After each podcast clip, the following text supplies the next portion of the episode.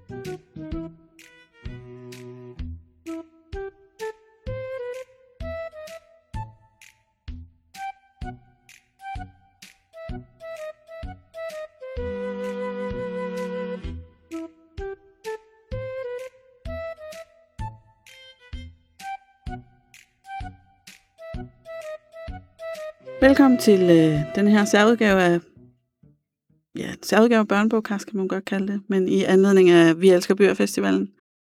Vi er i øh, studiet inde på Hovedbiblioteket, og vi er Julie og Julie, Det er vi. kendt og elsket Ja. fra podcastuniverset. Ja. Og Julius Myggen, så tæt på at være en Julie, Meget tæt på at være som en man Julie. næsten kan være. Ja. ja det er perfekt. Ja, det, kunne, vi kunne Det er ikke derfor, noget vi har inviteret dig. Øh, det er, fordi du har skrevet en rigtig god bog, som hedder Du er ikke fuck, du er bare ung. En uperfekt guide til din ungdom.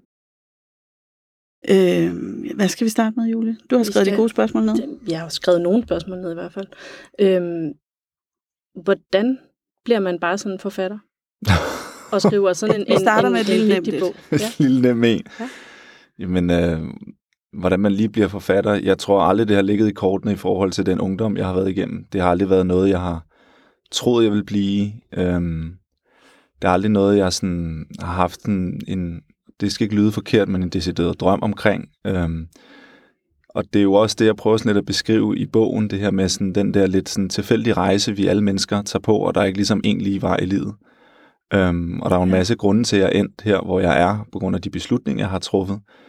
Øh, men hvis man sådan skal tage det helt ned specifikt i forhold til sådan selve ideen og, og tanker omkring det, var det egentlig øhm, fire år før jeg overhovedet begyndte at skrive på bogen, øh, begyndte jeg at skrive på et andet projekt, øh, Mm. hvor jeg også ligesom havde været coach og foredragsholder i, i et stykke tid, og havde brug for at skrive nogle ting ned, og det, det, jeg brændte helt sammen.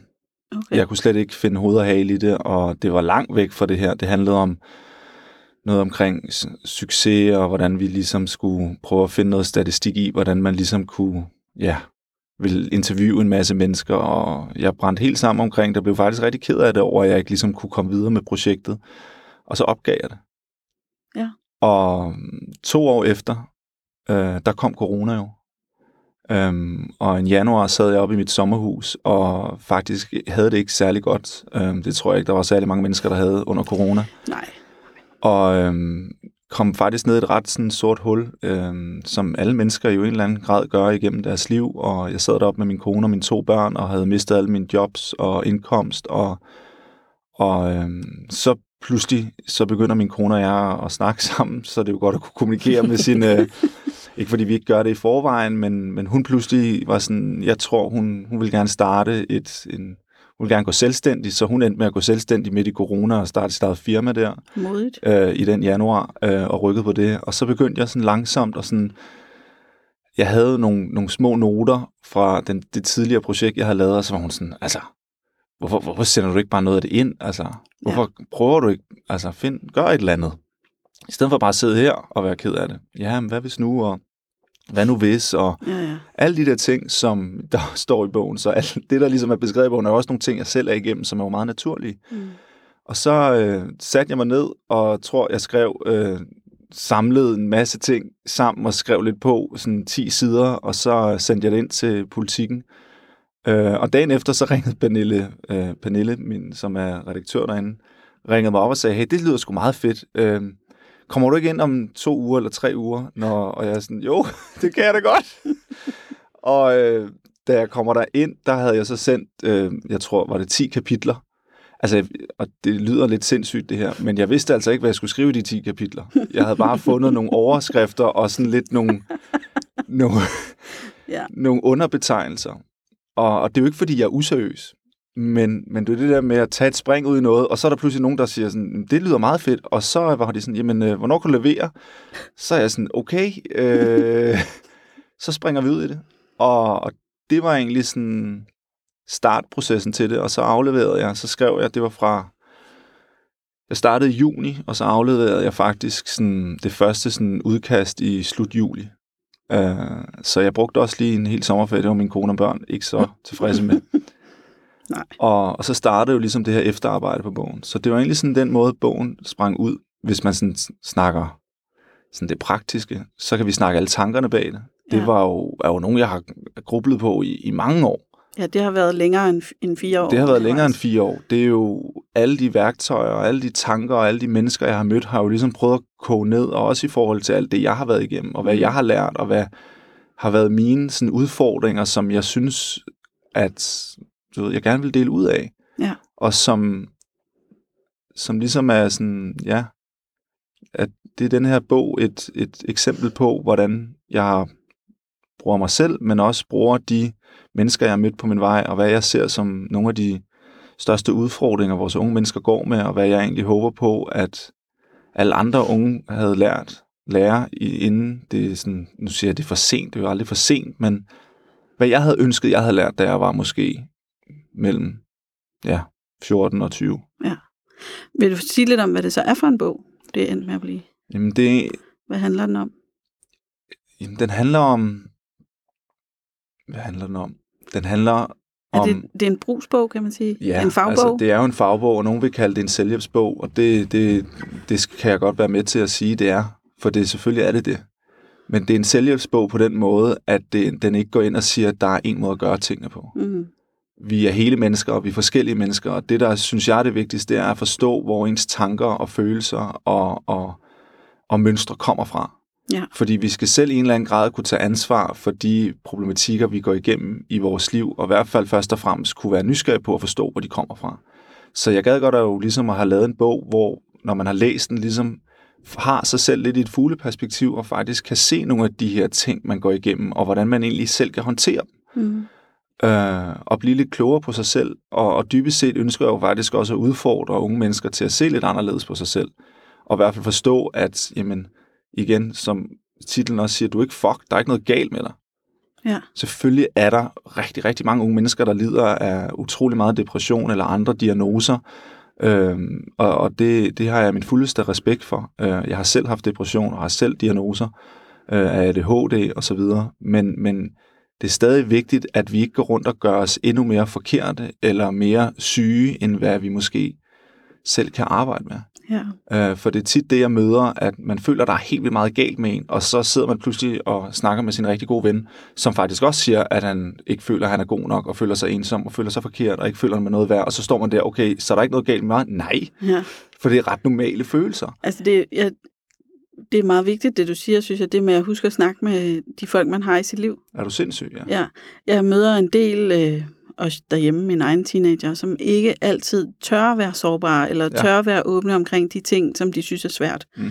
Og jeg prøver at sige til dem, "Ja, snak med dine venner om det der, det er det, du har venner til, og du vil opdage, at de har deres ting, Ja. som de kæmper med. Så det, hvis man skulle sige én ting, snak om det. Ja. Men altså, det er, jo, det er jo også det, der er humlen i stort set alle YA-bøger lige i øjeblikket, ikke? At Jo. Hvis de nu bare snakkede med hinanden, eller med Men så en vil voksen, bogen kun være på fire sider. Det er rigtigt. Men det vil bare... Men der er jo, altså for at vi skal kunne snakke med nogen, er der jo også nogle, altså vi er jo bange for, når vi så åbner os op, altså er der jo en frygt for, at hvad vil de andre nu ikke tænke om os? Mhm. Og det er jo det, der sådan er nok en af de største emner, vi, vi i forhold til trivsel, det er, at vi er bange for at række hånden op og sætte os i en situation, hvor andre kan se os som dem, vi i virkeligheden er. Ja. For hvad vil I så ikke tænke om os? Øh, og hvis vi ikke kan være fuldstændig ekstraordinære og virkelig bare buller der af, og så kan vi ikke, ja, måske være så meget værd i det fællesskab, vi er i. Så det er jo egentlig grundlæggende en frygt for ikke at være en del af et fællesskab. Mm. Så vi vil helst gerne rende rundt, og alle har det godt, og alle, jamen, så skal jeg også holde på mit, fordi hvis I ikke, hvis jeg ikke har det godt, jamen, så synes I sikkert, at jeg er mærkelig, og hvis jeg synes det her, det her, det her, Uh, altså, jeg har lige haft en session i går med en, som, altså, hvor det her var den største problematik, at angsten for, hvordan andre vil se ham. Ja. Uh, hvad hvis nu de ikke kan lide mig som den, jeg er? Um, og han gik med en, og det er også noget, jeg sådan snakker meget om, den der sådan, din egen fortælling omkring dig selv. Ja. Uh, han var blandt andet blevet mobbet utrolig meget i de mindre klasser, ikke? Af, en, af en person, som vi jo ligesom kom ind på, har haft et fuldstændig forfærdeligt liv. Ja. Nogle forældre, der ikke har været der for ham, og det begynder han jo pludselig at forstå, okay, det her er ikke personligt mod mig. Mm.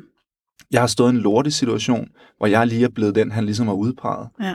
Og jeg siger ikke, det er retfærdigt. Nej, og jeg siger ikke, det er okay. For det er aldrig det, vi skal gøre, men vi skal prøve at forstå, hvorfor den anden part gør det, Ja. så vi ligesom kan tage det personlige ud af det. Og han gik jo rundt med den frygt, at det her vil ske igen. ja, eller at det var ham, der var noget galt med, og det var Nemlig. derfor, det var sket. Ja. Ja. Og, og gik rundt med en frygt for, at han, hvis nu han så var sig, var sig selv igen, vil det her så ske igen i en eller anden konstellation. Ikke? Um, og det gjorde, at han holder sig fra fællesskaber, og ikke turde ligesom bare at være sig selv. Mm.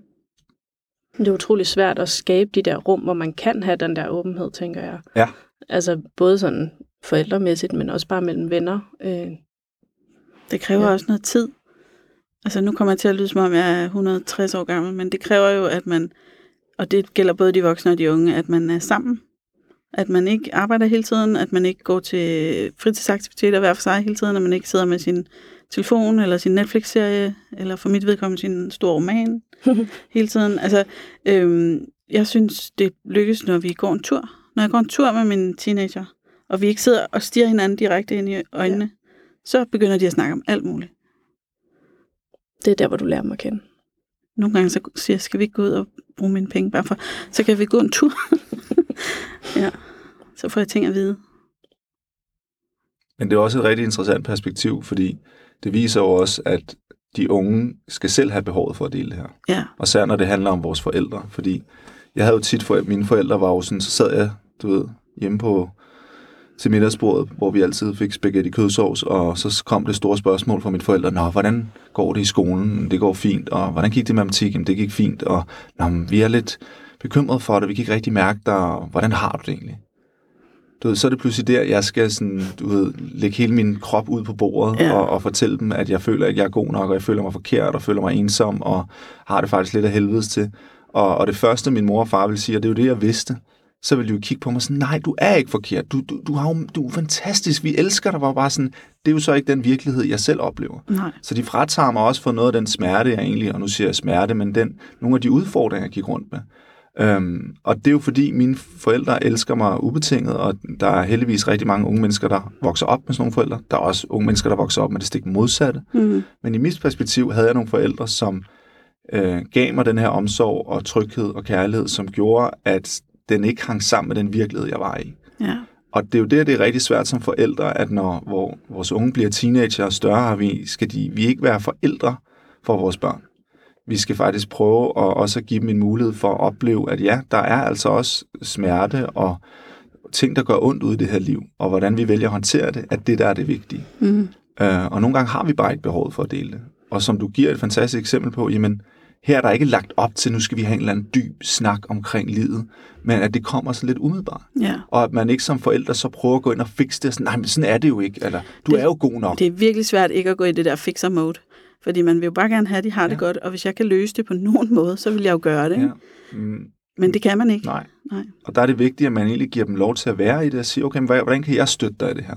I stedet for at sige, men du er jo god nok. Fordi jeg ved godt, altså det er et, et, et klassisk eksempel var også, jeg havde en periode i mit liv, hvor jeg sang rigtig meget i badet.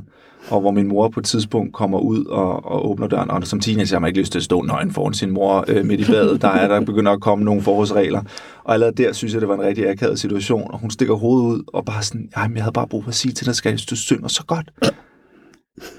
Og jeg står og måber, og hun lukker døren, og jeg bare sådan, altså, jeg synger som en fucking brækket arm, mand. Hvad fanden snakker du om?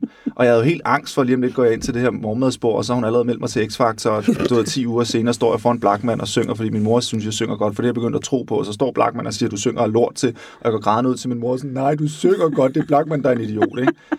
Ja, det er jo sket for nogen i X-Factor. Det det og det er bare et rigtig klart, et, et, et, et virkelig sådan et billede på det her med, at vi skal jo ikke give vores børn uvirkelige drømme eller uvirkelige forventninger til, hvad vi egentlig er gode, altså er gode til. Nej, For der er ting, vi er dårlige til. ja. Og det er okay. Og det ville faktisk være rigtig rart, hvis min mor havde sagt, prøv at høre, du skal nok ikke gå i du ved, sangkarriere-vejen, øh, men jeg vil støtte dig i det, hvis du har brug for det. Øh, selvfølgelig. Altså, vi skal jo stadig støtte vores unge mennesker, når de vil kaste ud i noget, hvor de tænker, det der kommer til at gå galt. Okay, jamen, jeg er her til at gribe dig, men øh, du, du, du, du er nok ikke den skarpeste til det. det Man kan jo også altid sige, det er dejligt, du er glad for at synge. Ja. Hvor er det da fedt, du nyder det. Det vigtigste er, at du er glad for det. Altså, Ja. Men jeg tror ikke, du kommer til at blive den næste Adele. Altså, Nej, måske ikke. Har du flere spørgsmål? Jeg har masser af spørgsmål. Øhm, det er jo sådan, det er jo en meget, også selvom vi siger, at det er en, at det måske også er en selvhjælpsbog, men så er det jo også en meget personlig historie, der ja. er i. Øhm, altså, hvordan, tør, altså, hvordan når man dertil, hvor man tør dele en så personlig historie?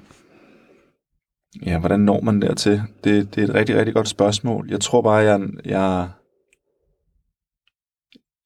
igennem mit ungdomsliv har jeg gjort det stik modsatte, hvor jeg har haft en, en, en maske på og holdt på alle mine tanker og følelser, og har været utrolig bange for at være mig selv 100% med alt, hvad jeg indeholder af gode ting, men også dårlige ting. Og, øhm, og jeg havde jo en periode, da jeg var på vej ud af mit misbrug, hvor jeg arbejdede rigtig meget med mig selv, og der begyndte jeg jo at ændre nogle- på nogle mønstre, hvor jeg ligesom prøvede, i stedet for at gemme på, hvordan jeg havde det, så prøve at være lidt mere øh, sådan jeg er ærlig omkring, hvordan jeg havde det. Det er jo ikke, fordi jeg møder op på arbejde og sådan, jeg har det forfærdeligt, jeg har det øh."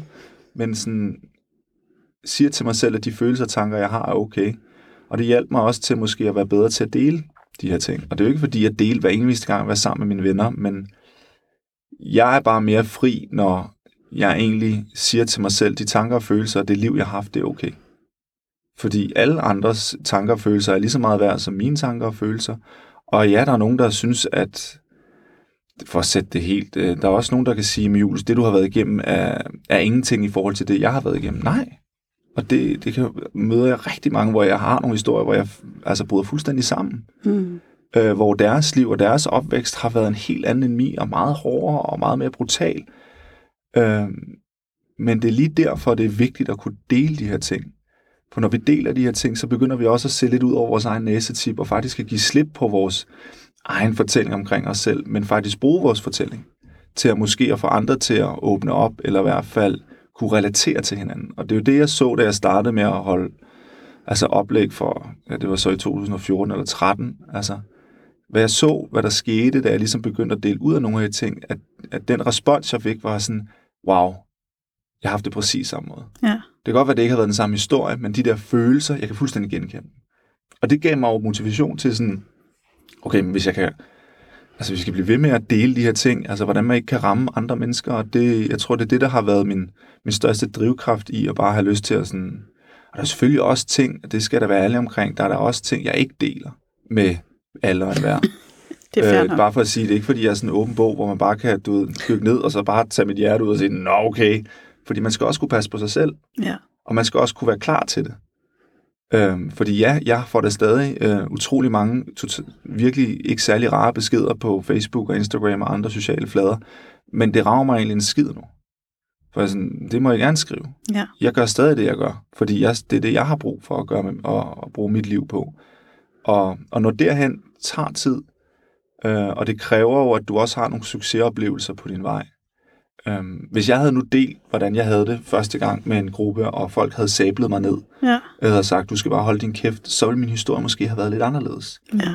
Og det bringer mig også hen til at sige, men alle de unge mennesker, der sidder i, i skoler eller gymnasier, at de bygger jo deres selvtillid og deres selvværd på nogle af de her små, små momenter, som kan drages ned i, at du har haft en oplevelse i 4. klasse med en eller anden lærer, mm. som sagde, at du er pisse dårlig til matematik, Mm. eller du kommer aldrig til at blive til noget. Og det er vildt, altså, af de tusindvis af unge mennesker, jeg har coachet de sidste 10 år, og det, nogle gange kommer vi ned til sådan nogle historier, bare sådan, så er det det, der ligesom har Ja. skabt sådan et, et større og større mønster, fordi de har slugt det. ja, og tit er det jo en eller anden person, der overhovedet ikke betyder noget for dem. Så, så Som har sagt de sådan, det er lige meget. Ja.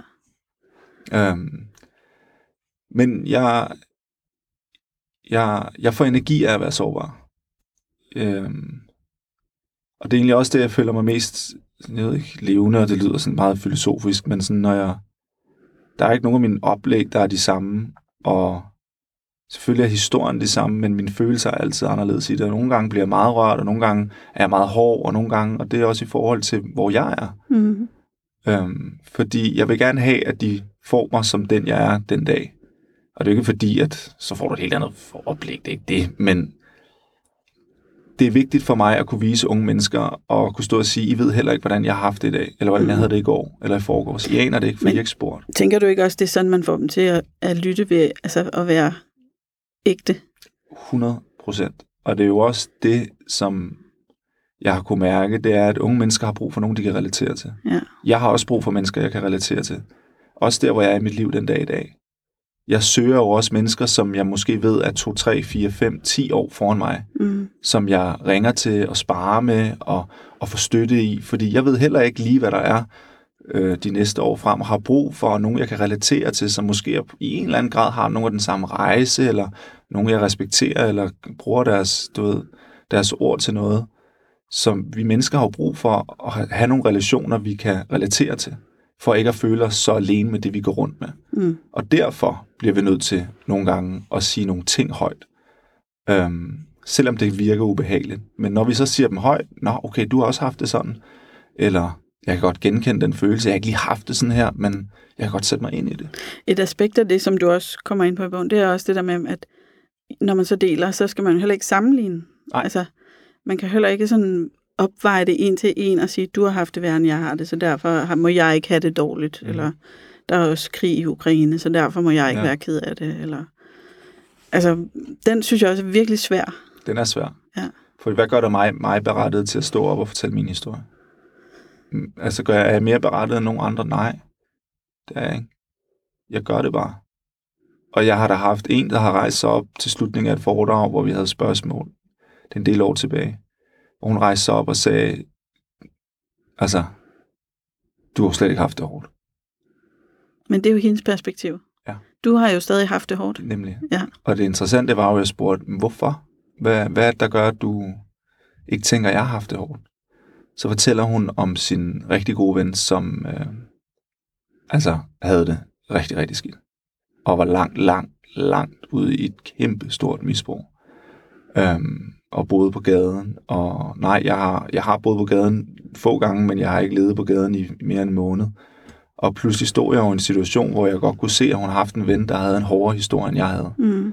Og så sagde jeg jo til hende, jamen hvad er det der, altså hvad kan du så bruge mit oplæg til? Jamen jeg ved i hvert fald, at min ven har det rigtig skidt. Ja. Okay.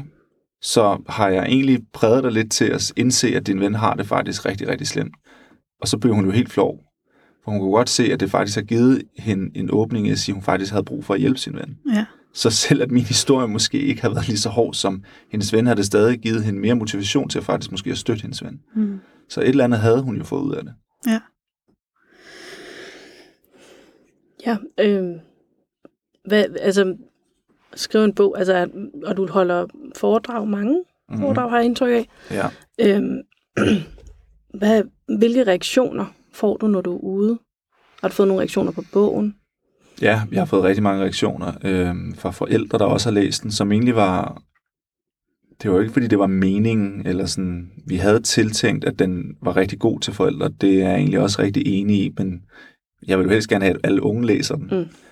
Men der sker jo også noget, når forældre læser den her. Så jeg har fået rigtig mange beskeder fra forældre, der faktisk har fået en større indsigt i nogle af de frustrationer eller udfordringer, de unge mennesker går rundt med, eller hvordan de sådan, kan i hvert fald se det lidt i et andet perspektiv. Mm. Det er jo ikke, fordi der er en til en hjælpemidler til forældre, hvordan de skal støtte deres unge, men der er jo en eller anden grad, jeg har jo fire eksperter med, som inden for sociale medier, succes og karriere, og hvad hedder det, fællesskab, og øh, Fie Hørby, som også har skrevet forordet, som jo også har sin egen uddannelse omkring, altså familieterapeut. Så jeg har jo mange af de her perspektiver, for måske at kunne så jeg tror, at der igennem også er der mange forældre, der drager rigtig meget viden og værdi igennem den bog. Jamen, jeg tænker også, at det er altså, meget smart at kunne altså, få de der lidt genveje til, hvad sker der egentlig op i hovedet på min teenager? Ja. Det er heller ikke altid så let at få ens teenager til at læse en bog. Nej, derfor er den også god, når den er på lydbog jo, Det er Som godt du fif. selv har indtalt. som jeg selv har indtalt. Den har jeg nemlig hørt. Det var jeg meget nervøs omkring. Det var, når vi skal snakke om sårbarhed, det var jeg virkelig... Øh, uh, hvordan kommer det til at være? Men øh, det gik godt. Det var godt. Nå, jeg synes, det var en fornøjelse at lytte til. Det vil jeg godt anbefale, Nå, det er man jeg glad for. Godt. Øhm, okay, det her det er et, et, øh, et meget irriterende spørgsmål. Fordi, øh, hvorfor tror du, unge har det så svært i dag? Altså, Men det er jo det store spørgsmål, vi har diskuteret i, ja, siden øh, vi skulle have valg, så kom det jo op, fordi vi fik en masse analyser omkring unges mistrivsel. Øhm, mit perspektiv på det er, og min sådan, vinkel på det er, at vi har en generation i dag, som, eller en generation, det er jo ikke en stor, det er jo faktisk ret mange generationer, som i en eller anden grad øhm, er født ind i et hvad skal vi kalde, et, et system, som på en eller anden måde ikke helt er alene med den virkelighed, vi har. Mm. Altså det vil sige, at, og at da jeg blev, da de unge, når de unge bliver færdige på gymnasiet eller folkeskolen, så kommer de ud i en verden, hvor de ikke skal kunne udenlandslæring. De skal ikke kunne de samme ting, som vi skulle kunne for 30-40 år siden. Verden har ændret sig. Det vil sige, at der er egentlig nogle andre forventninger til dem, end det vi egentlig danner dem i. Mm. Øhm, vores skønne, skønne Christiansborg har jo et meget klart syn på, at vi skal danne de unge mennesker til at komme ud i den her verden. Der er sådan en, en skrift på det, og, og der er vores, har vi et uddannelsessystem, hvor vi har nogle lærere, som, altså, skal vi bare sige, kæmper en seriøs bragkamp for at skabe en generation, der skal løfte os om mange år. Mm. Og jeg har mødt så mange lærere igennem min, min rejse de sidste 10 år, og jeg må bare sige, at jeg, jeg synes, det er så fantastisk at møde alle de her ildsjæle, der kæmper og kæmper Ja. for at gøre alt, hvad de kan for de her unge mennesker. Men det er jo også utrolig svært, fordi der sidder jo også nogle politikere og, og sætter nogle systemer ind og siger, jamen, det her det er pensum, det er sådan, vi skal gøre det, og, og pludselig står de med nogle hænder bundet. Altså, jeg kan selv huske, da jeg gik i, i 9. klasse, altså i 9. klasse, pludselig kommer min danslærer ind, øh, bulrende ind af, af, af hoveddøren, og øh, vi skal have ham hele kongerækken. Okay, øh, og så finder jeg ud af, at, eller efter han ligesom har lagt sin bog ned, så har han skrevet noter øh, på alle de danske konger, og hver time, så tager han hans noter, så skriver han det op på tavlen, og så skulle vi ligesom skrive det, han skrev op på tavlen. ja. Det var sådan, at jeg skulle lære om de, jeg ved ikke engang, hvor mange konger der er. Altså, jeg, det, jeg kan ikke huske det. Jeg har ikke noget svar. Nej. Og, og det brugte vi jo sådan noget 8 timer på, og, ja. og, eller 10 timer på. Og jeg kunne godt mærke, at han var faktisk utrolig frustreret, for det var kommet lidt ind for højre. Mm. Og jeg ved ikke, om han havde glemt det, eller overset det, eller hvad det egentlig handlede om. Men kan jeg huske nogle af de her konger? Nej. Det kan jeg ikke. Nej. Og det er jo den måde, vi, vi, vi på en eller anden måde, det system, vi har i de unge mennesker, det er, at det er sådan noget udlandslæring, og det er jo ikke, fordi vi ikke skal kunne det, og selvfølgelig skal vi lære at plusse, og selvfølgelig skal vi lære at læse, det er jeg 100% fortaler for, men det er måden, vi gør det på. Ja. Og hvad er det egentlig, vi danner dem til? Altså, hvis I har læst Lars Tvedes bog, som hedder Fremtidsklar, er jo ret interessant i forhold til, hvor mange gange vores unge mennesker kommer til at skifte job. Når vi snakker om, hvor mange gange de egentlig kommer til at skal være utrolig, hvad hedder det, omstillingsparat i forhold til, at der er mange flere, der kommer til at arbejde hjemmefra. Vi kommer til at se mange mere freelancer og selvstændige i forhold til, at vi ikke kommer til at have en fast arbejdsplads. Vi arbejder resten af vores liv. Mm. Vi kommer til at være ind og ud, så vi bliver nødt til at danne dem til den fremtid, de er. Det er ligesom den ene ting. Det er hele vores system og struktur i forhold til den verden, vi kommer til at have om 10-20 år. Om vi ved det eller ej, den er i gang med at blive ændret. Ja. Og, og det kan godt være, at man tænker, jamen vi vil gerne have det gamle. Ja, det, jeg synes også, det er skønt på mange områder, men vi skal jo danne vores unge mennesker til den fremtid, der kommer. Men du kan jo godt lære, altså bare for at bruge det som eksempel, kan man jo godt lære om kongerækken som noget historisk, uden at skulle lære den udenad. Fordi hvis du får brug for at vide nu, hvor mange konger der er, så kan du google jeg kan det. det. Jeg kan google Du kan det. slå det op. Du ved, et det, det, vil tage mig 10 sekunder, så vil jeg kunne nævne dig Ja. alle kongerne. Ja. Øhm, så den ene ting, det er jo sådan hele den her uddannelses øhm, og den måde, vi ligesom prøver at danne vores unge på. Det andet er, at vi har nogle forældre, og, som har fået flere ressourcer, øh, fået flere, øh, der er mere fokus på du ved, de unges opdragelse. Altså, der er aldrig blevet skrevet så mange øh, opdragelsesbøger de sidste 10 år omkring unge. Der er heller aldrig skrevet så mange selvhjælpsbøger. Mm. Altså sådan, så det billede giver også et klart billede af, at det er jo ikke kun os unge mennesker, der gerne vil være perfekte. Forældre vil også gerne være perfekte. Men der, er- ikke fordi man skal bruge sådan noget anekdotisk evidens hele tiden. Jeg synes ikke, at jeg er perfekt. Nej, Og jeg synes heller ikke, at jeg er perfektionist. nej. Og alligevel har jeg sådan en 14-årig, der gerne vil være bedst mulig til alt Ja. hele tiden. Ikke? Ja. Hendes lærer er meget sådan, du er super dygtig, du er helt med, du Ja, behøver ikke, altså bare slap af, chill. Ja. Øh, hendes far og jeg siger til hende, det er fint, alt er fint, du kan mange ting, Ja. det vigtigste er, at du har det godt. Ja. Øh, og alligevel, så føler hun aldrig, hun er god nok. Nej. Hvor i alverden kommer det fra?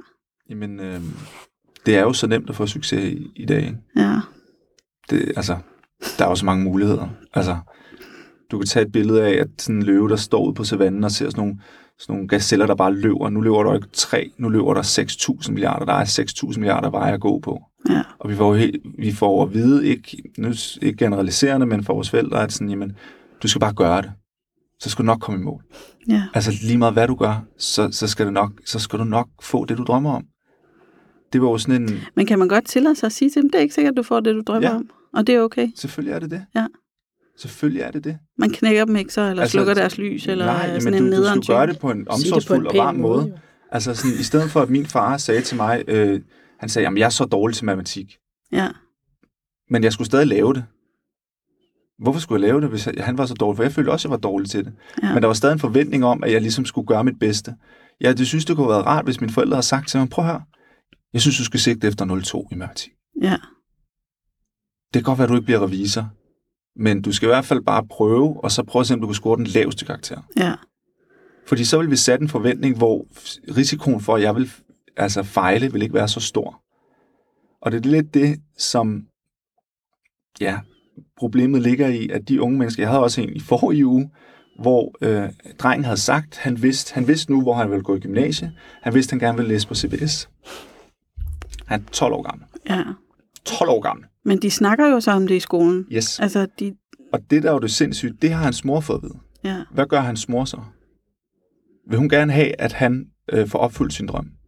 sandsynligvis. Sandsynligt. Ja. Så hun er begyndt at presse ham sindssygt meget i forhold til skolearbejde, i forhold til karakterer. Og hun Ja. gør det egentlig ud af kærlighed, Ja. for hun gerne vil have, at hendes søn får succes. Og ligesom opnår hendes drøm. Hans drøm. Og han er begyndt at blive trække sig for moren og for familien, fordi han kan ikke overskue, hvis han nu fejler. Ja, Så vil han ikke kun skuffe sig selv, så vil han også skuffe sin mor, ja, og så vil han faktisk være en fejltagelse. Og det er det, der sker med den mistrivelse, vi lever i, det er, at vi, det er jo så nemt at blive til noget, og vi har egentlig rigtig svært ved at, at fejle i de her ting, for så er vi en fiasko, ikke bare over for os selv, men også over for fællesskabet. Så der er blevet gjort mindre plads til egentlig at bare at, hvad skal man sige, tage et skridt ad gangen, ja. og måske ikke tænke så langsigtet. Der bliver ikke snakket ret meget om at skifte mening. Nej. Nej. Og det er jo også fuldstændig altså, idiotisk. Altså, hvor mange gange jeg ikke har skiftet mening igennem mit liv. Ja, ja. Altså omkring, først troede jeg, jeg skulle være skuespiller, så troede jeg, jeg skulle arbejde inden for noget tv, så troede jeg, jeg skulle være øh, basketballspiller, så troede jeg, jeg ville være altså, astronaut, hvad jeg ikke har været igennem af tankerejser, altså omkring, hvor jeg vil hen med mit liv. Og ja, der er nogle unge mennesker, der er ret sådan, bevidste omkring, hvor de gerne vil hen, som ligger naturligt i dem, og det kan man også godt mærke. Øh, jeg tror bare, det er vigtigt, at vi giver de unge mennesker nogle rammer for at sige, men prøv lige at sætte et forventningsniveau, som er, altså, som du føler, du vil have det sjovt at gå i skole med. Mm. Altså, du, skal ikke, du behøver ikke være den bedste. Du, du skal være der, hvor du føler, du er den bedste. Ja. Altså, hvor du efterlever det tempo, der passer dig. Og for mig var det at kunne læse fem sider, i stedet for måske de 20 sider, jeg fik. Fordi da jeg så de 20 sider, fordi jeg har også nogle... Jeg er ikke erklæret ordblind. Jeg scorede ikke højt nok i det der ordblindstest, øh, da jeg gik i folkeskole, så min klasselærer synes, jeg måske var halv ordblind øh, Så der var du heller ikke god nok. der var jeg så heller ikke god nok, og jeg fik rigtig nogle hjælpemidler, og det var også lidt, og så fik jeg jo at vide, at du skal bare læse noget mere, du skal bare skrive noget mere. Ja. Så skulle nok sige, så var der stadig en underlægningsforventning om, at jeg skulle være lige så god som de andre. Ja. Og det, det irriterede mig, for det dræbte min motivation fuldstændig. Mm. Fordi hver gang jeg sad der, så sad jeg og holdt øje med, når de er færdige nu, nå, så har jeg tabt. Ja. Og det gjorde faktisk, at jeg skubbet det væk fra mig, i stedet for egentlig at bare måske læse fem sider. Og det var det, jeg skulle gøre. Og det er jo sådan meget den måde, jeg lever altså, mit liv på nu. Sådan, find et tempo, der passer dig. Øh, og når der er noget, jeg ikke kan finde ud af, altså da jeg skrev, da jeg startede på bogen, jeg kan huske den første sætning, jeg skrev, var også, er jeg nu god nok til at skrive den her bog? Ja. Det følte jeg reelt. Og det føler jeg stadig reelt. Og det er en ærlig snak. Ja. Og jeg sagde jo også til min, min, min, min, min redaktør, sagde, at jeg har virkelig meget brug for hjælp. Jeg tror ikke, I er klar over det. Jeg kan sagtens skrive historier, men sådan struktur, og altså, jeg har bullerne af det HD, altså så kan jeg pludselig arbejde en uge, og så det andet kan jeg slet ikke finde ud af noget. Men, men jeg gav udtryk for, hvad jeg havde behov for, så de forstod mit tempo, hvad de kunne støtte mig i, hvad for en hjælp jeg skulle få, fordi jeg turde at være sårbar omkring mm. det. Altså gør vores folkeskoleelever det? Nej. Nej. Men det er det, vi skal lære dem. At vi er forskellige, og vi har forskellige behov og forskellige brug for hjælp på forskellige områder. Så vi skal kunne lære dem faktisk at tage ansvar for det, de er gode til, og det, de er dårlige til, og give udtryk for det. Og erkende, at vi ikke er superhelte, og at der er nogen, der er pisse dygtige til matematik, og der er nogen, der er pisse dårlige til matematik. Ja. Og nogen pisse gode til at sidde i 6 timer og bare koncentrere sig. Det kunne jeg. Og det er måske også okay ikke at være pissegod til noget som helst. Ja. Og bare være altså, middelmådig. Eller, Jamen, at- så længe man lever sit eget bedste liv. Jeg tror på, at alle mennesker har kvaliteter. Jamen, selvfølgelig. Og jeg tror, middelmådighed kan vi ikke... Ja, det er et ord, som jeg ikke... Jeg, jeg, jeg kan godt forstå, at du siger det. Det har en negativ klang, det Det forstår har en jeg godt. klang, men, Men der, det, er- det der er egentlig ikke sådan, jeg mener det. Det er mere det der med, det, altså, det er okay, hvis du ikke er en stjerne. Men du kan også være, ja, men at være middelmådig og være lidt halvgod til det hele, er jo faktisk også en egenskab. Ja. Fordi så er du måske ikke sindssygt god eller sindssygt dårlig til noget, for vi er jo også forskellige indrettet. Mm. Men det bringer også lidt hen til det spørgsmål, som handler om, at vi gerne vil være ekstraordinære. Ja. At vi helst ikke vil leve det der sådan lidt øh, lev på liv, og hvis vi er du ved, vegetar, så lidt rubedeliv. Vi vil helst ikke være sådan, så det skal ikke være kedeligt. Vi skal være noget. Vi skal have en værdi. Vi skal være synlige for Mm. fællesskabet. Vi skal vise, at vi kan finde ud af noget, og vi er noget. Øhm, og det er jo sådan, hvis vi tænker, har I set Paradise Hotel? Ja. Ja. Da den startede, altså kunne I se, hvordan sådan hele reality-syndrom og verden handlede bare om, vi skal være noget. Det er lige meget, hvad vi er. Ja. Vi skal bare blive set. Jamen, det var der mange af dem, også i andre programmer, som jeg vil bare gerne være kendt. Vi skal bare blive set. Ja. For så er jeg noget værd. Det er lige meget, om jeg bor øh, i en skraldespand. Hvis jeg bliver set, så er jeg, så er jeg noget værd. Ja. Og det er jo også noget, som man kan mærke hos de unge mennesker, de fællesskaber, de er. Jamen, som når du bruger ud middel, men vi skal, vi skal være noget, vi skal blive være synlige, for at vi er noget værd. Og det var også noget, jeg tænkte meget over, da jeg skrev den her bog. At, hvorfor skriver den her bog? Skriver den for at sidde her og snakke om den? Eller skriver det faktisk, fordi jeg godt kunne lukke mig ind i et halvt år bare at sidde, fordi jeg synes, det faktisk har værdi for mig. Mm. Det lyder, nu er det ikke for at pushe min egen glorie, men det er faktisk en rigtig vigtig snak at have med sig selv. Ja. Når vi tager nye projekter ind, eller når vi øh, prøver nogle nye ting, hvorfor gør jeg det her? Hvem gør jeg det for? Ja. Og selvfølgelig ville jeg da have blevet ked af det, hvis det havde været en lortebog, og den ikke var blevet solgt. En skid. Det må jeg da være ærlig at sige. Selvfølgelig, Selvfølgelig. vil jeg det. Men det, jeg ville have ked af det over, det var over, at jeg følte virkelig, der var noget her, folk kunne bruge til noget. Ja. Og det kan da godt være, at jeg skriver nogle flere bøger, hvor nogle af dem kommer til at være noget værre lort. Men jeg gør det, fordi jeg har lyst, ja. og fordi jeg har brug for det. Men over et helt liv, så vil det jo også gå op og ned. Sindssygt. Man kan jo ikke være øh, bedst til alting Nej. hele tiden for evigt. Nej. Altså, og der vil også, det har jeg i hvert fald selv oplevet i mit eget liv, at så har der været perioder, hvor jeg ikke har haft lyst til at være bedst til alting. Mm. Jeg tænkte, nu vil jeg faktisk bare gerne gå hjem og hæve min løn, og så Ja. altså, slappe lidt af. Ja. Og så kommer der en anden periode, hvor man gerne vil være helt vildt god til noget igen. Ja. Men jeg synes, det kan være svært at sige sådan noget til unge mennesker. Fordi en del af det der med at være teenager, er jo også, at man på nogle måder tror, man ved alt, eller øh, det ved jeg ikke. Det kan i hvert fald være svært at give sin egen erfaring videre. Det kan de jo ikke rigtig bruge til noget. Nej, ikke hvis du er forældre. Nej. Det kan de jo ikke. Hvis jeg siger til dem bare, det bliver bedre. Ja. Du bliver også 46 ja. en dag, og så er du ligeglad med, hvad andre folk tænker. shh, Ikke? Det tror de ikke på. Nej, fordi vi, vi forældre. Jeg kommer til at stå i samme situation med mine to børn. Ja. Og øhm, det handler om, at når vi går ind i en teenagealder som unge, har vi brug for at gå fra at være afhængige af vores forældre til at være uafhængige af dem. Ja. Det vil sige, at alle de værdier, alt det, vi har lært dem, alt det, det skubber de fuldstændig væk. For nu har de brug for faktisk at gå ud og prøve at være uafhængige, og hvordan det føles. Og der er vores råd som forældre, betyder ikke en skid. Fordi nu har vi brug for at prøve nogle andre ting af. Ja. Og det er, vi møder den modstand, og det er derfor, i den periode har vores unge mennesker endnu mere brug for nogle mentorer, øh, coaches, øh, studievejledere, øh, lærere, øh, ungdoms, der har noget omkring dem, eller en onkel eller en fætter, som i en eller anden grad har en anden vinkel ind til det her barn. Mm. Fordi vi som forældre har givet dem alt nu, og de skal nok vende tilbage til os, hvis vi har gjort et godt stykke arbejde. Det lyder hårdt, men det er også at gøre et godt stykke arbejde i den periode, for det er faktisk også her, vi kan skubbe dem endnu længere væk. Ja. Fordi hvis vi ikke giver dem plads til at få øh, vasketøjet op tre gange, 20 gange, så kommer de aldrig nogensinde til at lære det. Hvis vi hele tiden tager deres tallerken ud, eller hele tiden bliver ved med sådan, men du mangler penge, jamen her er lige 100 kroner. Hvorfor har du brugt alle dine penge? "Men Jeg har ikke råd, jamen så må du blive hjemme. Ja. Og det er hårdt, for nu ser du en smerte i dit barn, som du egentlig har lyst til at fikse, og du vil helst ikke have, at de er ked af det, Men hvad lærer vi dem, hvis vi ikke... Altså, jamen, er jeg hvad skal mit tøj lyserødt? Jamen, hvad gjorde du forkert? Jeg puttede det ene og det andet. Ja, den, det var synd for dig. Ja. Jeg vil gerne hjælpe dig til, hvordan du skal gøre det næste gang. Du skal gøre det sådan, ej, vil du ikke gøre det? Nej. Du skal være uafhængig af mig nu. Og den proces er nok den mest smertefulde, og jeg mener mest smertefulde for os forældre. Fordi det, det, det er alt, vi har i den her verden, når man bliver forældre. Det er det vigtigste. Ja. Og man pludselig skal give slip på det, og, og stole på, jamen, og det er der, at forældrerollen nok virkelig består sin største test, som jeg ser det.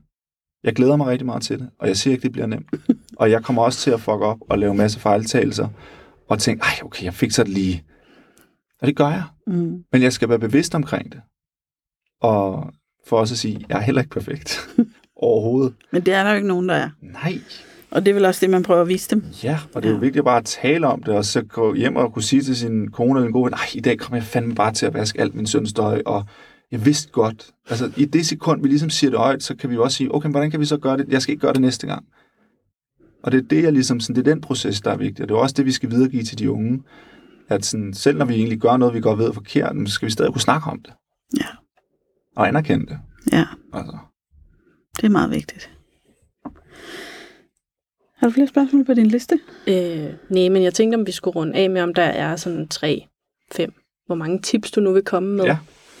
Øh, Altså, der er jo sådan nogle rigtig fine resuméer efter hvert kapitel. Ja, det var, jeg, havde, var et must for mig. Ja, så hvis man er en, øh, en travl læser, Ja, kan du Måske- bare læse det? så kan man lige tage resuméerne.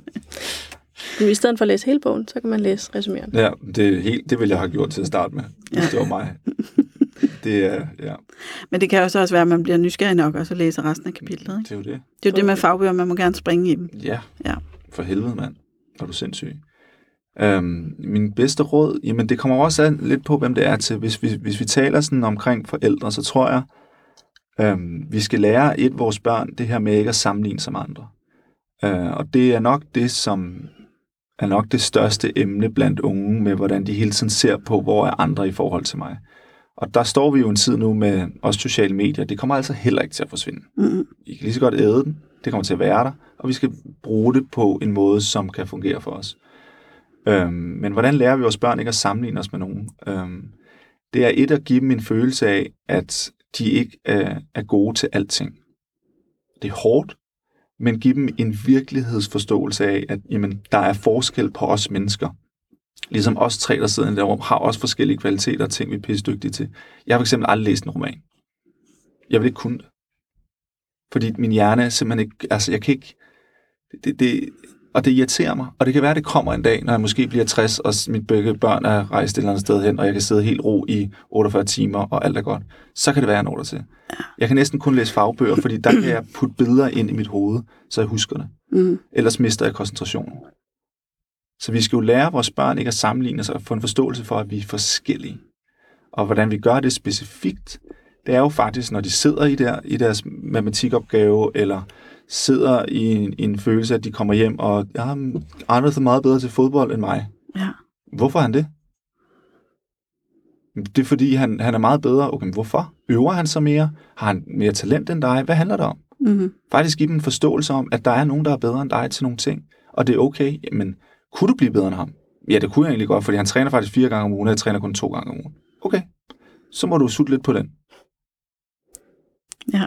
Og det her med at sammenligne os med andre, det, det, det er en vigtig ting, og det er noget, jeg tænker meget over i forhold til mine børn. Altså, jeg har en datter, der var, altså hun er fem år gammel, og de havde sådan noget OL øh, nede i børnehaven. Øh, og hun var så den, der kom langsomst ind i, og hun er ret atletisk, øh, synes jeg selv. Hun er sgu ret, øh, hun er sgu ret hurtig, men hun var den sidste, der kom ind i det løb, og hun er pisked af det. Mm. For jeg løber så langsomt, og jeg er sådan, det kan da godt være, men er det ikke også okay? Altså, skal du være den hurtigste? Hun har også noget mit vinder taber gen, kan jeg godt mærke. Hun er lidt en dårlig taber. Det er skønt. Men jeg prøvede ligesom at have en snak med hende omkring, sådan, men er det egentlig ikke også okay? Hvorfor, er det, hvorfor bliver du så ked af det over det? Ja. For jeg synes, det var hårdt at være den, der var den dårligste. Men sagde, ja, kommer det til at ske igen? At du måske kommer til at være den sidste i noget? Ja, det kan godt være. Ligesom nogle gange er du den første, er det rigtigt? Ja, okay. Så her er et billede på, at nogle gange så er vi de sidste, og nogle gange er vi de første, og nogle gange er vi i midten. For vi, vi, vi er forskellige gode til forskellige ting. Hvad skete der så dagen efter? Så skulle de ud og cykle. Altså, hun lærte at cykle, da hun næsten var altså, to og et halvt. Det var sindssygt. Altså, der var hun foran nogen, hvor hun så var bagud på nogle andre, helt om, og andre Mm. områder, ikke? Og der kom hun først, og hun kom hjem. Far, jeg, jeg var den første. Fedt. Ja. Hvad tænkte du så i forhold til i går? Jamen, der var jeg sidst nu. Nå, okay, nu forstår hun. Vi er forskellige. Jeg er god til cykle, og der er nogen, der er god til at løbe. Nu sammenligner hun så på en anden måde. Mm. Og det er ikke, fordi jeg prøver at coach mit barn, men jeg vil bare gerne have, at hun kan omfavne det, hun også er dårlig til. Lige så meget som det, hun er god til. Og ikke være jaloux på dem, der er bedre end hende til noget. Ja. Så det er det, jeg virkelig sådan tænker meget over. Øhm, og ja, nogle gange kommer jeg da også bare til at kramme ind og fix, prøve at fikse hende. Bare for at sige, at jeg er ikke perfekt. Så den første ting er at prøve at lære vores unge mennesker ikke at sammenligne sig med andre. Den anden ting er, det er det her med at finde et tempo, der passer ind. Og den er virkelig, virkelig svær. Øhm, fordi da jeg gik i folkeskole, der havde jeg jo nogen, der følte, der red på sådan nogle spanske heste i et tempo, jeg bare ikke kunne følge med i. Mm. Og jeg sad nede på bagerste række på sådan en dovent æsel og prøvede lidt at følge efter de andre. Og det, der jo lidt skete fra min lærers side og min forældres side, var jo, at jamen, du skal nok komme i mål. Du skal bare arbejde hårdt nok, så skal du nok komme der. Kom nu, kom nu, du kan jo godt. Og det var det, jeg mistede al motivation, fordi de lagde op til, at jeg skulle løbe lige så hurtigt som de andre. Mm. Jeg skulle bare løbe rigtig hurtigt i noget, jeg var sindssygt dårlig til, som var at sidde for tavleundervisning og sidde stille på en stol. Men når du satte mig op foran tavlen og gav mig et stykke papir eller en eller anden side af en eller anden eventyr, så kunne jeg prappe løs om det, jeg fik 46 timer.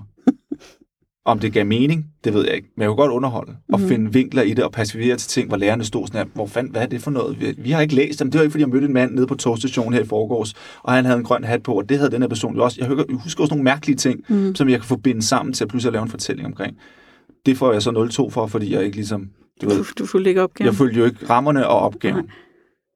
Men det her med at kunne følge et tempo, der passer ind, handler jo om at kunne sige til ens unge mennesker, øhm, at igen, du skal ikke sammenligne dig, og du skal, hvis du har brug for bare at læse fem sider, så læser du fem sider. Find et tempo, der passer dig, hvor det faktisk er sjovt for dig at gå i skole. Mm. Og det var noget, jeg virkelig tog med mig, da jeg startede på min HF. Der sagde jeg jo til min danslærer, at jeg havde brug for, at hun kunne rette en eller to gennemgående fejl i min stil. Hun var jo i chok. Det må man jo ikke. Nej. Hun sagde, hvis du afleverer en stil, når du giver mig en stil tilbage med 26.000 røde fejl, Mm. kommer jeg til at lave det? Nej. For jeg, jeg, jeg, jeg, jeg kan ikke nå det. Jeg, jeg ved ikke, hvor jeg skal starte. Og jeg havde virkelig brug for at fortælle hende, at hvis du gør det, så kommer jeg ikke til at rette noget. Jeg kommer ikke til at lære noget. Hvis du retter en eller to fejl, så husker jeg det måske næste til næste stil. Mm. Jeg har brug for at tage det et tempo, hvor jeg måske skal op på fire, eller måske syv, hvis jeg altså, wow. Det er jo ret indsigtsfuldt. Og det gjorde hun. Ja. Og hvad skete der? Jeg, jeg, jeg tabte ikke hver gang, jeg fik en stil tilbage. Jeg, jeg følte faktisk, at jeg, jeg vandt lidt, og at jeg sådan, altså jeg kan huske, det var den første regel var sådan noget spisereglen med nutidsalder. Mm. Jeg kan stadig huske den. Det er virkelig en af de regler, hver gang jeg sådan spiser og spiser. Fucker jeg stadig op? Ja. Fordi jeg nogle gange kan ikke læse ordene, selvom der er nogen, der siger, har du ikke læst den der sætning? Jo, jeg har læst den 20 gange og sagt nøj, jeg kan stadig ikke se det. Men det hjalp mig. Ja. Og det er jo det, vi skal lære vores unge mennesker at finde et tempo, der passer dem til det niveau, de er på. Ja. Og, og det er fandme vigtigt. For ellers bliver det ikke sjovt at gå i skole. Og så det er der, vi får motivation. Jeg tror ikke, I forstår, hvor mange unge mennesker, jeg har haft i hænderne, hvor jeg sådan, hvad hvis nu bare, at du, du ved, sigtede efter 4 eller 0,2? Men altså, må jeg det? Mm. Sådan, Prøv. Altså, hvor mange sider skal du læse, og så prøv at blive specifik. Hvad skal du egentlig gøre for at få det? Jamen, så skal jeg måske bare række hånden op to eller tre gange, eller bare i hvert fald læse halvdelen af det, vi får for. Okay. Men det vil kræve meget opbakning hjemmefra, ikke? Og, og ture sige, det her er mit tempo, og det holder jeg mig til. Fordi hvis du sidder i en klasse med 28-30 Mhm. mm. elever, og en lærer, der er mega stresset i forvejen, Ja. ja. og alle mulige reformer, og alle mulige krav, og Ja. alle mulige Ja. ting, de skal leve op til, og nogle politikere, der siger noget, og nogle forældre, Ja. der siger noget andet. Og sådan. At det, der er virkelig meget pres Ja. i det her område. Og det er jo også at stole på, at hvad nu hvis, at man føler, at de øh, underminerer sig selv. Ja. For det er der jo også mange, der siger, ah, hvad hvis nu de du ved, ikke lever op til det talent, de har? Hvad er det vigtigste for vores unge mennesker? Er det, at de du ved, stresser sig igennem et skolesystem, eller at de har det godt med sig selv? Jeg tror på, at det er den sidste. Fordi jeg Ja. tror ikke, der er nogen, der kan lære eller udvikle sig, hvis de ikke tror på, at dem, de er gode nok. Ligesom I heller kan tage på arbejde, hvis I har det helvedes til. eller man pludselig er blevet skilt og har gået igennem en forfærdelig skilsmisse, er det jo ikke, fordi man tager på arbejde og har højt humør og starter de nye projekter. Mm. Det gør man ikke. De skal finde ud af, hvordan de kan skabe egen motivation for deres egen læring. Og det tror jeg, man gør ved at hjælpe dem til at finde et tempo, der passer dem, og sætte nogle delmål. Simpelthen det er det her, vi sigter efter. Ja. For vi har også utrolig meget brug for rammer. Og ville det også være rart, hvis der var måske en matematiklærer eller en danslærer, der satte mig ned og sige, Julius, vi sigter efter det her for dig. Ja. For faktisk at lige at skranke det lidt ind, for det hele blev så stort. Mm. Nogle gange er det også fint med karakterer. Og det mener jeg faktisk. Jamen, det bliver kæmpestort, og det griber ind i hinanden. Ikke? Hvis jeg ikke får den her karakter i det her, så kan jeg ikke Tænk, komme videre med den her er drøm. Så kan jeg ikke læse det der, så, kan jeg ikke, så bliver jeg aldrig lykkelig. Nej. Og, det er jo, og der havde jeg måske en, en stor, stor altså bøn til, hvis I har en som mig i jeres klasse, hvis der er nogle lærere, der lytter med, prøv også at give dem nogle rammer. Mm. Sig til dem, jamen, hey, hvad, hvad vil du egentlig være glad for at få til dansk eksamen?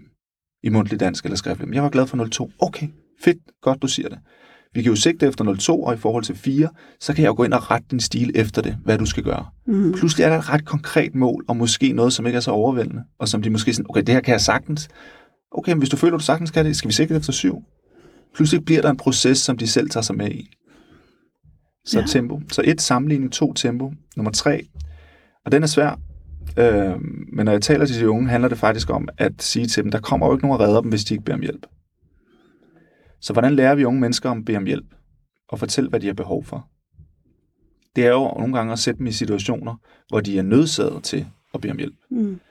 Og det er jo ikke at hjælpe dem for meget til at starte med, som vi også snakkede lidt om, og lade dem vaske deres tøj selv og fuck det op tre gange.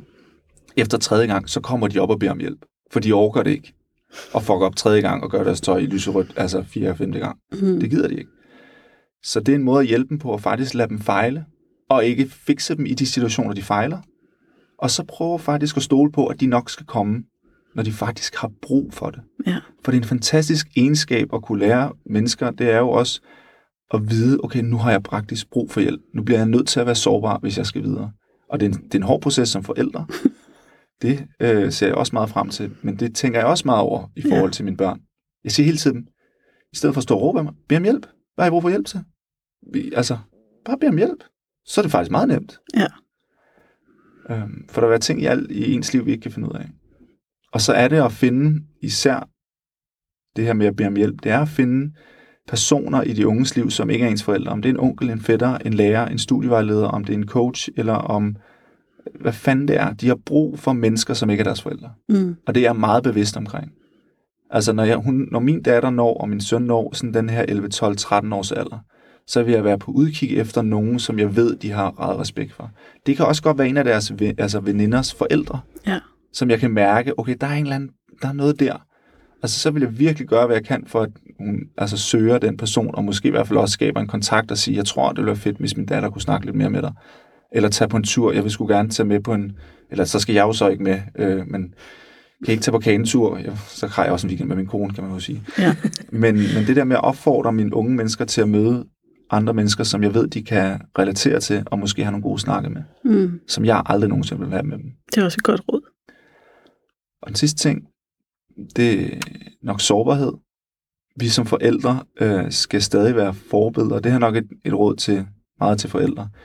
Vi skal jo ikke øh, hver evig eneste gang, vi er ked af det, stå og græde for vores børn. For de har også brug for, at vi er stærke for dem. 100 procent. Men det er, hvis vi ikke også kan dele ud af, når det går lidt svært, og når det går lidt skævt, og faktisk give vores unge mennesker, at det er normalt at have nogle af de her følelser, Ja. så bliver det utrolig svært for de unge selv at have dem. Fordi så føler de sig alene. Ja. Og hvor det kunne det være rart, at man som forældre sagde, ej, skal i dag på arbejde? Jeg følte virkelig ikke, jeg var god nok. Det var faktisk rigtig svært. Jeg sad med en opgave, og, og det er jo noget, man kan gøre allerede fra de 8, 9, 10 år. Ja. Og det behøver ikke være så stort. Hvad handler det om, mor? Ja, men jeg sad med en opgave, jeg følte, jeg ikke kunne finde ud af det. Vidste ikke rigtig, hvad jeg skulle gøre. Jeg følte faktisk mig ikke så meget værd, og følte mig lidt ensom. Det der med at kunne tale om de her følelser, uden at gøre det kæmpe stort, og hvor er det forfærdeligt, fordi de kommer til at føle de her følelser. Helt sikkert. Alle mennesker, og jeg vil næsten spise min højre sko, på et eller andet tidspunkt har haft en følelse af lidt ensomhed, eller forkert, eller mindre værd, eller ikke føle, de god nok. Mm. Så jo mere vores forældre kan tale om det på en måde, som det, det er en del af det at være menneske. Vi føler de her følelser. Vi udtryk for dem. Så vores forældre skal turde være sårbare, og ikke du ved, være sådan nogle helt sådan, Men stadig, vi skal også være deres havn, de kan søge tilbage i. Ja. Og det er også et ansvar, vi har. Vi siger tusind tak. Ja, Det var en tusind stor tak, fordi du kom. Vi håber, at den øh, podcasten finder de rigtige lytter, så der er nogen, der får stor fornøjelse af de gode råd. Ja, og man kan jo øh, på linket, der er, når man lytter til episoden, gå ind og se artiklen. Der vil også være et link til bogen, øh, både som fysisk bog, e-bog og lydbog. Ja, Så man har ingen undskyldning for ikke at læse den. overhovedet ikke. Og så holder jeg jo også oplæg i forhold til festivalen. Det gør du. Ja, Kan vi huske, hvor det er henne? Ja, det er på Rentemestervej og i Ørested. Perfekt. Der er allerede øh, skoler, der er, øh, eller klasser, der er tilmeldt, tror jeg. fedt. Dejligt. Ja. Ja, men tak. Det er mig, der takker. En stor fornøjelse. Tak fordi I vil have mig.